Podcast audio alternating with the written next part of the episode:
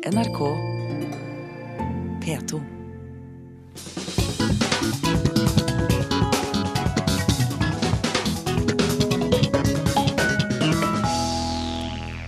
Klokken er snart kvart over eh, fem på en fredag ettermiddag på P2, og det betyr Fredagspanelet som er på plass. Fra venstre så er det kulturredaktør i Federlandsvennen Karen Kristine Blågestad, velkommen. Blågestad, er du med oss? Jeg er med dere. Ja, der! Jeg sa velkommen. ja. Og jeg sa tusen takk. Og den som ler, det er journalist og profesjonell synser Arild Rønsen, velkommen. Takk. Ja, så har vi forfatter Vetle Lid Larsen med oss her på hjørnet i studio K51. Hei, hei. Skal vi bare danse i gang? Kom i gang. Denne uken fortalte Kulturnytt at Dissimilis jubileumsforestilling 'Lykkelandet Limbo', som ble spilt på Operaen i Oslo, ikke fikk én eneste anmeldelse. Kunstnerisk leder mener det skyldtes fordommer i pressen, så vi tar eh, dette videre som et spørsmål til Fredagspanelet. Er det fordommer i pressen? Har han rett, Larsen? Nei. Blågestad? Nei. Rønsen? Ja. Hvorfor har han rett, Rønsen? Jeg syns at det er eh, altså Mode Steinkjer, f.eks., kulturredaktør i, i Dagsavisen, har jo rett i at de ikke anmelder så altfor mange eh, teaterforestillinger. Men jeg syns at det er dumt å ikke gjøre unntak. Altså, Dissimilis er Dissimilis, og de jobber så mye for å få opp en sånn forestilling. Og det må kunne gå an å anmelde det på et annet utgangspunkt enn man anmelder alle andre teaterstykker på Oslo Nye eller Nationaltheatret. Jeg syns at det er dårlig gjort av de store riksavisene og ikke anmelde den eh, forestillinga. Du sa eh, at det ikke eh, var fordommer, Blågestad. Hva tenker du? Nei, Når jeg hører Arild Rønnsen argumentere for at de skulle anmelde denne forestillingen, så tenker jeg at, at det blir sånn omvendt diskriminering. Det er jo noe som heter omvendt rasisme.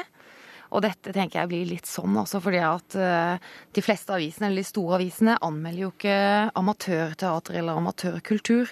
En tegner en linje mellom det profesjonelle kunst- og kulturlivet og det glade, de glade amatører. Og jeg syns at uh, Dissimilis eh, er i denne siste kategorien. Å gjøre unntak syns jeg blir omvendt diskriminering.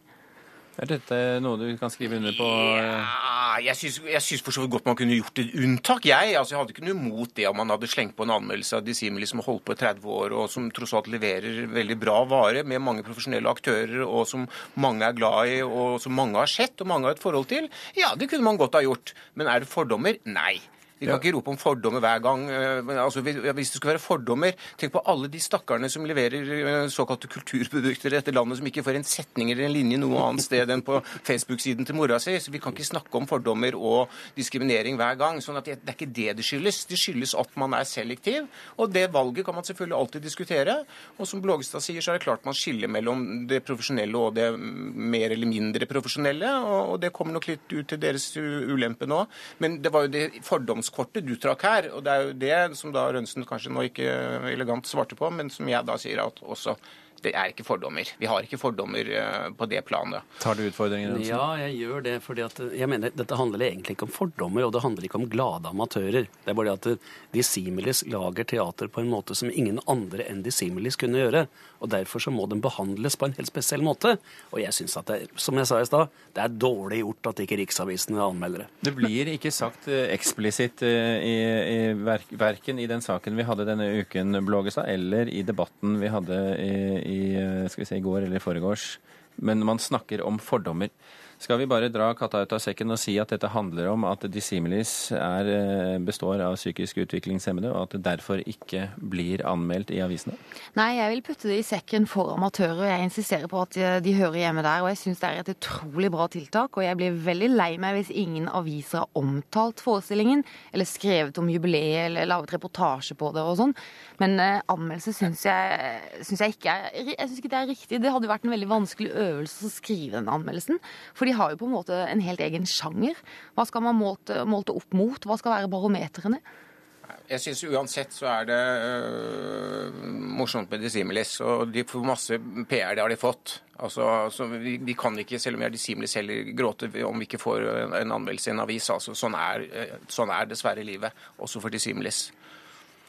Skal vi konkludere der, Rønsen? Er du komfortabel med det? Jeg, jeg er jo komfortabel med det, men jeg, bare, jeg, jeg syns at dissimilis er så spesielle at den bør behandles spesielt. Det er det som er mitt uh, hovedsynspunkt.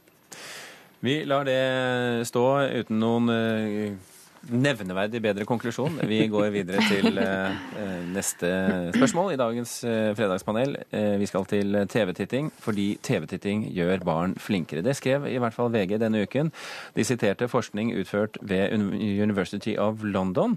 Og ifølge forskningen der så er det slik at barn som ser tre eller flere timer hver dag, ligger tre måneder foran med sine kognitive ferdigheter enn de som ser mindre enn én time. Spørsmålet er bør norske foreldre nå parkere ungene sine foran skjermen hver kveld? Larsen. Ja. Blågestad. Nei. Rønsen. Nei. Ja. ja altså det er klart at når du, Hvis du da er på en måte dobbelt så intelligent etter å ha sett tre timer på TV hver kveld når du er åtte år Hvis du da ser f.eks. ni timer, så må du bli tre ganger så intelligent. Og når du tenker på at de forskerne sikkert har sett 16 timer i døgnet og er så superintelligente at de knapt greier å uttale navnet sitt riktig, så syns jeg vi skal støtte dette, denne fantastiske forskningen. Og det er mye bra forskning. Kommer med mange interessante resultater. Det varierer riktignok litt. Grann. Om et halv, et halv uke så kommer det nye forskningsresultater som viser at de som ser mer enn ett minutt, blir dumme. Så vi må da velge. Men da, jeg føler at nå kan vi endelig parkere barna våre der og la TV ordne resten. Hilsen forskningen. Blågestad, du sitter jo i studioet vårt i Kristiansand og ser kanskje ikke denne, dette lille snevet av ironi som bølger over ansiktet til Vetle Lid Larsen her. Det, det er mulig å høre det òg, Ja, kanskje. det det. Men hva tenker du om å parkere ungene foran TV-en? Nei, jeg har ikke noe veldig sånn frykt for TV-titting. Det har jeg ikke. Jeg har for mange barn og for travelt liv til det, altså. Men eh, jeg tenker at de må gjøre alt. Er det ikke det som er regelen? da? At de må både se på TV og klatre i trærne og sykle rundt og dille, og de må kjede seg og alt det der. Men mine barn ser på TV. Hvor mye da? Nei, det, eh, det tør jeg ikke telle. Men Vær eh, ærlig nå, da. Vi skjønner jo at det er mer enn du, du kjenne deg. Ja, Det kommer litt an på hva mor har gjort kvelden før. Men jeg synes det kommer litt an på hva de ser på TV også. Da. Jeg mener jo at det er veldig viktig å eh, holde de unna f.eks. Eh, Paradise Hotel og, og ikke minst Drømmehagen, som NRK sender. Det er jo eh, 2000-tallets eh, Pompel og Pilt. Det er jo mulig å få varige psykiske men av å se på det. Eh, Ja, nå, har, nå har ikke jeg unger, så her uttaler jeg meg på, eh, på, På sikker, på sikker bakgrunn. Har du. TV, da? Drømmehagen. TV. Jeg har TV! Nei, men, men, men jeg mener at altså, sunn fornuft må, må det kunne gå an å bruke uansett. Og jeg vil jo si det at eh, altså, passiv tilstand som TV-titting er, det kan, ikke, det kan ikke være bra i forhold La unga få lesebrett og, og PlayStation og alt mulig sånt men er i aktivitet. Men å sitte kava stille og se på TV, det kan jeg umulig Men altså, mene er disse, forskerne, glupt. disse forskerne påpeker at barn som ser mye TV, får bedre språkføring. Ja, det tror, jeg tror på det. Jeg har en sønn for eksempel, som ser på TV og liker det, og han mener jeg har veldig god humor. Og jeg merker at det er litt sånn fordi han har sett mye på TV. Han har litt sånn, Se sånn værmeldingen, da. Da får man mye humor. ja, nei, men Han har sånn Disney-mimikk og noe sånn føring med kroppen sin som er som tatt ut av en eller annen sånn tegneseriekanal. Kroppsmimikken til Mickey Mouse og, og uttrykket til Donald Duck. Ja, men det er hyggelig. Det er veldig fascinerende. Men, eh, han, Men- får, han får litt annet også. Men, men det som er spørsmålet her som er interessant, det er klart at det er benefits vi også ser på TV. Benefits, hørte du det? Ja, det ser du. Det er Du klart har det er benefits vi ser på TV. Du har nok sett litt mye Paradise Hotel. Jeg får får med PlayStation jeg, nå siste uken. Men det er klart det er fordeler ved å se på TV, og det man har mye å lære ved å se på TV. Men poenget er jo bare om, om, om Ja. Nei, jeg vet ikke hva jeg skal si egentlig. Jeg synes, det som er hoved, hovedspørsmålet her, er all den forskningen vi får servert. Vi, kan vi tro på forskningen? Hva slags forskning er dette? Hvordan, vi, vi, det bare viser igjen at vi må bruke sunn skepsis også når vi får forelagt forskningsresultater. Hvordan stilles spørsmålene? Hvor omfattende er de? Fins det andre innfallsvinkler til denne tematikken? Ja, ja, ja. Og det, det må vi gjøre hele tiden. Sånn at når de da leverer forskningsresultater som sier at det ikke er skadelig for ettåringer å gå i barnehage, så, så, så er det jo fordi de har stilt spørsmål og får de svarene de ønsker. Forskningen følger tidsånden veldig ofte, og nå er det da TV-bransjen kanskje som har bestilt dette, for alt jeg vet. Det er sikkert mer seriøst enn det, men ofte så er det slik. Vi må selv være kritiske, og dette syns jeg er et eksempel på det. Dere kan si hva dere, dere, kan, dere er- kan si hva dere, dere kan si hva dere vil, men, Ja, men det det, det, dette, dette temaet slutter vi der. Det var så klokt sagt, eh, Neste Larsen. uke kommer det en forskningsrapport som sier at det er kreftfremkallende å se på TV. Ja, ja. Vi eh, hopper til neste og siste tema for i dag. Eh, vi har snakket om det tidligere her i Kulturnytt, og vi snakket om det mye i går. Høyblokka og Y-blokka, deler av regjeringskvartalet, bør rives. Det kom frem i et forslag til det nye regjeringskvartalet som ble lagt frem eh, for et par dager siden.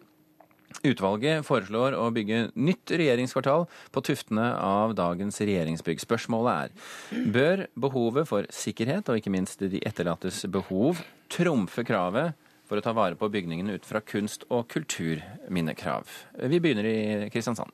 Nei. Larsen? Altså, jeg er ikke enig i spørsmålet, men for første gang i min karriere her. Men ja. Rønsen. Jeg skjønte ikke hele spørsmålet. Men høyblokka bør, høyblokka bør rives. OK. Det skulle gjort det litt eh, lettere. Blågestad, sett fra eh, Du er jo da sikkert ikke så Oslo-orientert eh, som vi er i det daglige. Hvordan ser dette ut fra Kristiansand? Nei, jeg tenker jo at uh, dette, disse bygningene er historisk viktige og historisk relevante. Og det står som to monumenter over moderne tid i Norge. Og også med denne kunsten, som jeg syns er viktig å ta vare på, så syns jeg at i sum så skal det bevares. Og så tenker jeg, Det er jo et vanskelig og vondt spørsmål, for det er jo altså med hensyn til de etterlatte Det er litt sånn hvem eier sorgen etter 22. juli? Det gjør veldig mye de direkte pårørende etter 22. juli. Men det var jo et anslag mot allmennheten også. Og da tenker jeg jo at uh, det er noe med det de sier, de som mener at Breivik kan ikke vinne. Han kan ikke ødelegge dette kvartalet for oss. Eh, Rensen? Jeg har levd omtrent akkurat like lenge som den høyblokka har eh, eksistert. Og jeg har aldri hatt noe annet. Jeg har gått forbi der antageligvis en million ganger. Eh, og jeg har aldri hatt noe annet forhold til den blokka. Jeg har vært innom den noen ganger også. Den er stygg. Den har alltid vært stygg. Arkitektonisk et dårlig bygg. Og jeg har ikke noe annet forhold til det enn det. Den bør rives, og ikke minst med tanke på at Breivik ikke skal huskes pga. den bygninga. Sett opp en ny bygning, så vi slipper å ha å tenke på Anders Behring Breivik hver gang vi går forbi Men er du sikker på at vi vil slutte å tenke på Anders Behring Breivik eh, jeg, hvis den, eh, det bygget rives? Jeg er ikke sikker på det, men det gir oss i hvert fall ikke noe, no, noen grunn til å tenke på Behring Breivik hvis vi ikke har det der stygge bygget. Nei, altså Jeg syns Rønsen på en måte artikulerer veldig øh, folkelig og greit det jeg egentlig mener. Og, og Nå kan jeg prøve meg på litt mer akademisk variant. da. Og, og det er jo at, at, Jeg er også enig i at bygningen er stygg, og jeg godtar at andre mener at den ikke er stygg. Og jeg godtar at andre har andre følelser for dette. Det er også viktig, for det skjønner jeg virkelig. Men jeg syns virkelig at, at, denne bygningen er et monument over en arkitektonisk, øh, et, et arkitektonisk misgrep. Altså denne brutalismen som, som bygget tross alt representerer, er en menneskefiendtlig arkitektur. Det er det samme arkitektursynet som førte til at man rev hele Enerhaugen og reiste noen monstrøse blokker der istedenfor. Den samme arkitekten som bygget Bergen rådhus, som også er en, en, en, en hån mot den settingen den er satt inn i. Over hele Europa nå, mange steder så river man slike bygninger. Så når Peter Butenschøn sier at hvis vi river denne bygningen, så vil vi gjøre oss latter for Europa, så tror jeg han tar feil. Fordi at man har begynt å ta et oppgjør med denne formen for arkitektur. Og, og det, nå har man en gyllen mulighet til å gjøre dette. Og kan, vi har utviklet så mange spennende nye arkitekter i dette landet som kan skape noe nytt og fremtidsrettet, og som virkelig er et symbol på Norge og på de ideer og verdier som vi assosierer oss med. Det er en gyllen sjanse, eh, og den syns jeg man skal gripe, gripe nå. Her fikk du mye motbør, Blågestad. Ja, men den eh, avfeier jeg lett. For at jeg syns var... Du bor jo ikke her, da. Nei, men det er min hovedstad.